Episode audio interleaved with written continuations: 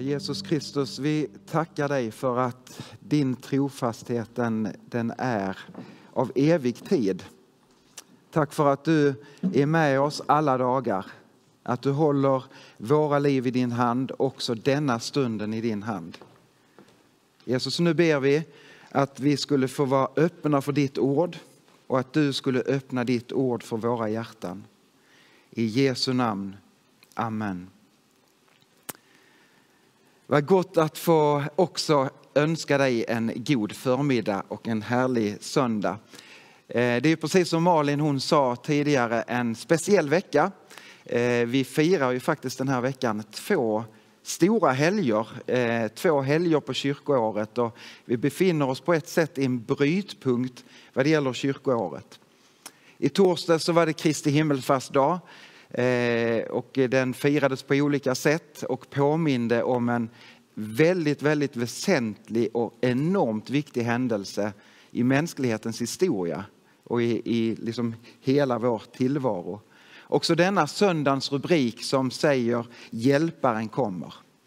De här två helgerna, de här två temana, de här två dagarna som har sin absolut tydliga grund i påsken som vi har fått fira men som också har sin riktning fram mot pingsten som kommer nästa helg. Och jag skulle vilja få läsa tillsammans med er inledningen i Apostlagärningarna som ingång i den här söndagens predikan. Och det är Lukas som skriver till eh, en god vän vid namn Theofilos och han, han skriver som en fortsättning på det evangelium som han tidigare har skrivit och sänt till honom. Vi läser i Jesu namn. I min första bok, ärade Teofilos, skrev jag om allt som Jesus gjorde och lärde fram till denna dag då han togs upp till himlen sedan han genom helig ande hade gett sina befallningar åt dem som han utvalt till apostlar. Han framträdde för dem efter att ha lidit döden och gav dem många bevis på att han levde. Då han under 40 dagar visade sig för dem och talade om Guds rike.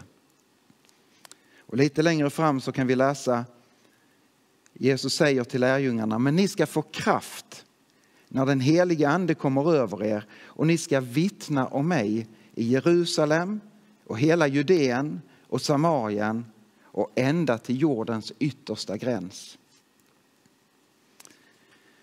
Låt oss bara för ett ögonblick försöka måla bilden av vad lärjungarna får vara med om. De får slå följe med Jesus i tre väldigt spännande år. Tre år där de får höra honom undervisa, de får se tecken och under, de får möta människor som får sina liv totalt förvandlade. Och de får själv också vara med om en förvandling under de här åren. Och det har växt en tro i deras hjärtan och en bekännelse som så småningom tar sig uttryck på det här sättet. Jesus, du är Messias, den levande Gudens son. Den här tron och den här bekännelsen den, den väcker så mycket av hopp. Eh, en förhoppning om en befrielse som de längtar efter i sin tid men, men också en befrielse över hela mänsklighetens historia. De hade hållit tag i löftena i Gamla testamentet om att Gud ska komma, han ska låta sin Messias komma. Och nu får de leva tillsammans med Jesus. Men så kommer långfredagen och Jesus tas ifrån dem. Han spikas upp på ett kors och dör och, och den här förtvivlan som, som måste ha drabbat lärjungarna av att ja, men nu, nu tappar, det vi hoppas på försvinner. Trots att Jesus så om och om igen har undervisat och talat om att det här är en oundviklig väg så drabbas de av att allting på något sätt rasar samman. Men så kommer inte bara långfredagen utan så kommer också påskdagen. Och de får möta den uppståndne. De får möta Jesus fysiskt efter det att han har lämnat döden, han har lämnat graven. Vi läser om det i inledningen av Apostlagärningarna, hur han under 40 dagar visar sig för lärjungarna. Och vi kan läsa i Apostlagärningarna och förstå att åtminstone vid 11 olika tillfällen för åtminstone 500 olika personer så visar sig Jesus. Han talar till dem, han undervisar och det måste ju ha varit alldeles kolossalt omvälvande för lärjungarna. Tänker vi då att de har haft för tre år som har varit förvandlande så måste de här 40 dagarna ha varit alldeles väldigt speciella och sticka ut. De får möta den uppståndne. Hoppet väcks igen, tilltron väcks och bekännelsen liksom, den tar ny fart i deras hjärtan. Den levande Gudens son är mitt ibland oss. Men så kommer Kristi himmelsfärd och så tas han ifrån dem igen. De befinner sig i Jerusalem och i, på väg ut från staden på Olivbergets sluttning så får de se detta mäktiga och märkliga hur Jesus lyfts ifrån dem. Upp på himlens sky.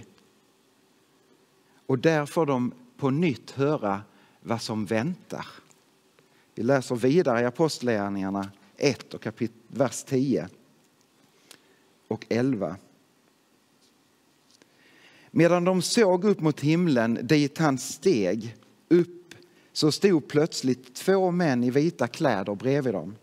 Galileer, sa de, varför står ni här och ser mot himlen? Denna Jesus som har blivit upptagen från er till himlen ska komma tillbaka just så som ni har sett honom fara upp till himlen två änglar som kommer med budskapet som Jesus redan har levererat och som, som hela Bibeln i sin helhet också levererar. Det kommer en tid, det kommer en dag när denna tiden är slut. När Jesus kommer att stå på den här jorden igen i synlig gestalt och ställa allting till rätta. Den dagen väntar vi på. Den dagen hoppas vi på och längtar efter.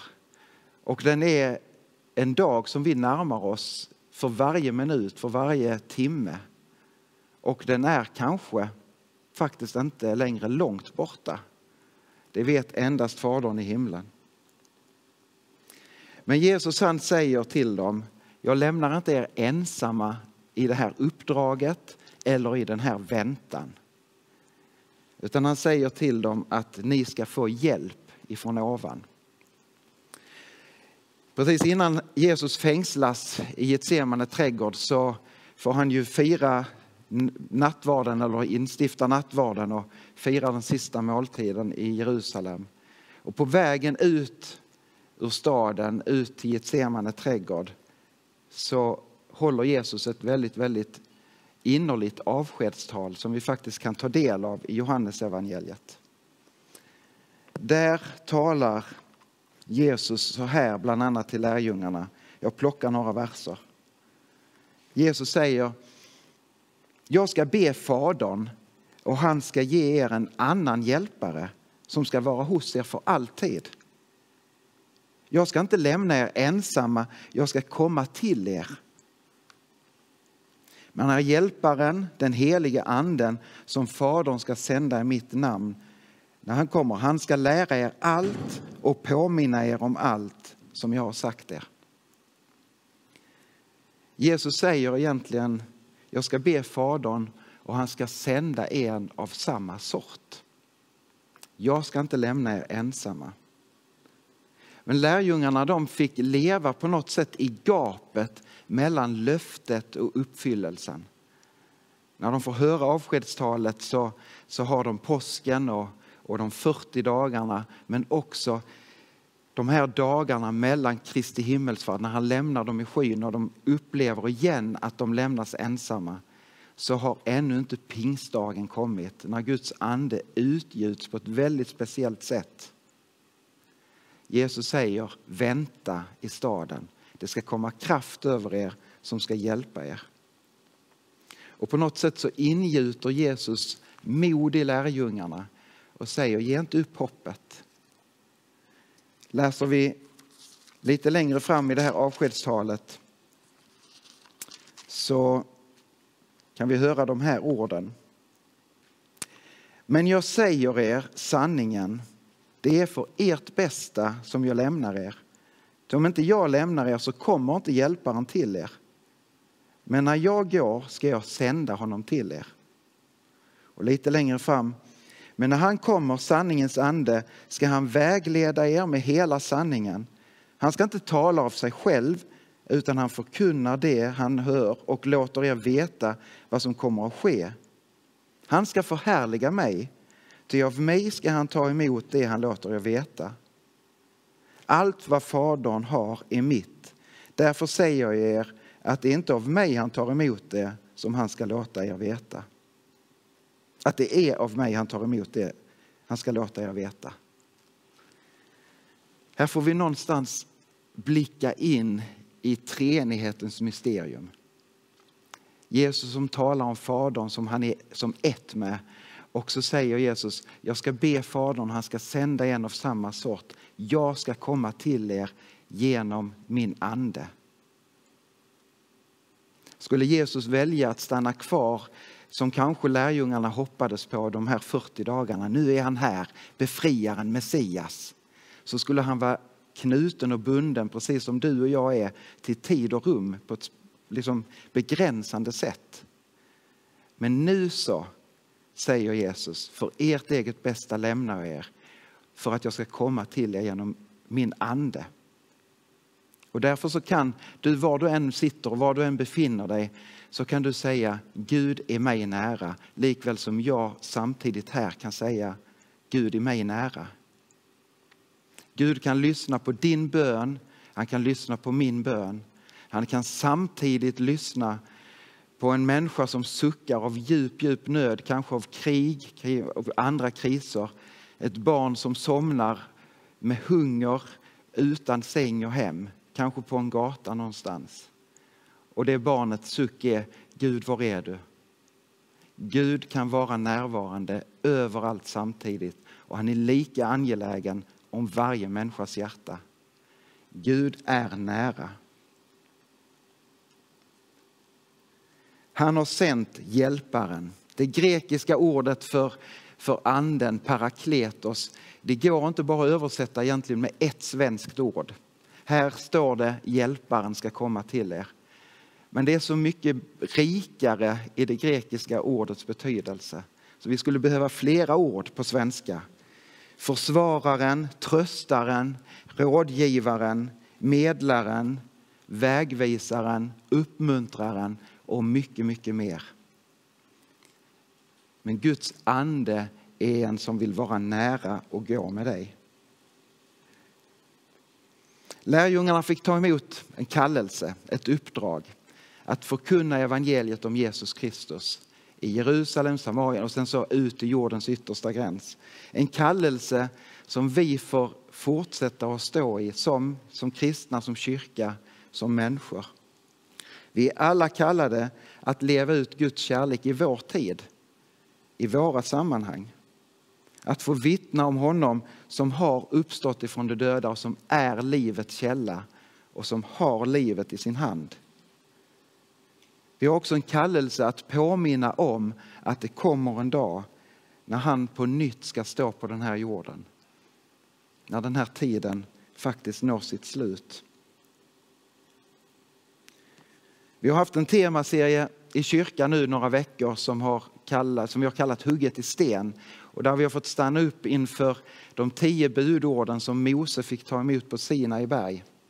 Mose, den här fantastiska mannen och ledaren som väldigt mycket är en alltså en profetisk bild på en förebild för, för Jesus.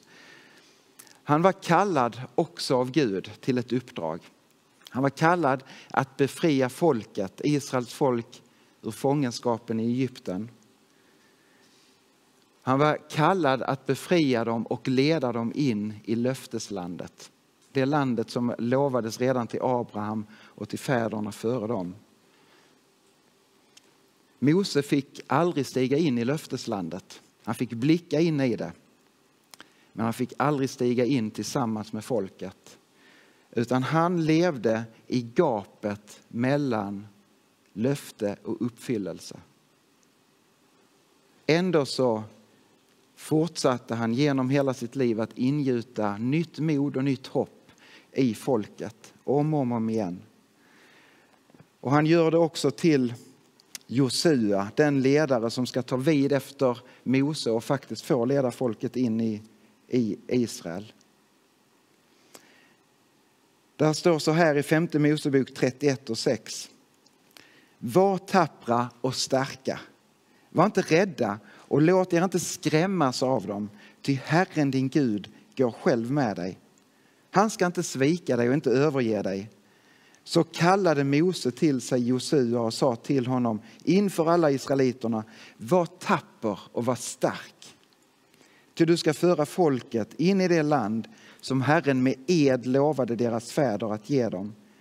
Och du ska göra det till deras egendom. Herren ska gå, själv gå före dig, han ska vara med dig, han sviker dig inte, överger dig inte. Var inte rädd, tappa inte modet. De här orden behövde Josua höra, de här orden behövde folket höra, att Herren själv går med. Trots att de hade en sån enormt mäktig upplevelse hur Gud faktiskt hade gått med dem. Hur han befriade dem ut ur fångenskapen, hur han räddade dem ifrån Egyptens härar där de fick gå torskodda genom Röda havets eh, liksom, vatten som stod på sidorna. Hur Gud försåg dem med vatten när det var torrt i öknen, hur han försåg dem med, med mat när han lät mannat liksom ligga på, på marken eller vaktlarna som, som landade. Hur han gick före dem med en eldstod om natten eller en molnstod om dagen. Och det mäktiga hur Gud liksom ger lagen på sina berg. Trots att de hade fått se detta mäktiga så verkar de ha en återkommande tendens att tappa bort sig. Att glömma att Gud är med. Och så börjar de knota och säga vi hade det bättre i Egypten. För oss tillbaka dit. Och så vågar de inte hoppas och tro på det som Gud har talat om framtiden. Men så kommer hälsningen Gud går med. Jag förser er. Om och om igen. Och frågan som vi kanske får ställa oss idag det är om vi fortfarande har den här inneboende, kanske mänskliga tendensen som Israels folk ger uttryck för flera gånger. Att vi också lätt tappar fokus. Kanske också lätt börjar tappa tilltron. För vi lever också i gapet mellan löfte och uppfyllelse när vi talar om Jesu återkomst. Och därför så behöver vi också påminna oss om orden. Vi lever inte här i väntan, i ensamhet, utan Gud själv går med oss. Vi lever i andens tid. Gud har utgjutit sin ande och han har också gett ett löfte att den som tror på mitt namn, där flyttar jag in i den människans hjärta och lever och rör mig från insidan och vill dela livet. Vi behöver påminna oss om Guds närhet. Och vi behöver också påminna oss om att Gud har koll. Gud har fulla perspektiv, också över vår tid, också över våra sammanhang. När Jesus han håller avskedstalet så inleder han just med de här orden. Var inte rädd, känn ingen oro, tro på Gud och tro på mig. Och han avslutar också talet med samma hälsning. Var inte rädda, ta emot friden ifrån mig. Och det är en hälsning som jag tror vi behöver påminna oss om idag också. Var inte rädd, tappa inte modet. Gud själv går med dig. Han delar varje stund och varje sekund. Han är inte begränsad av tid och rum, utan han är nära dig. Och så får vi påminna oss om att det kommer en dag, det kommer en tid när Jesus kommer att stå här synlig och allting kommer att ställas till rätta. Det kommer en dag då vi får stiga in i löfteslandet, precis som vi fick sjunga i sången och stor Gud.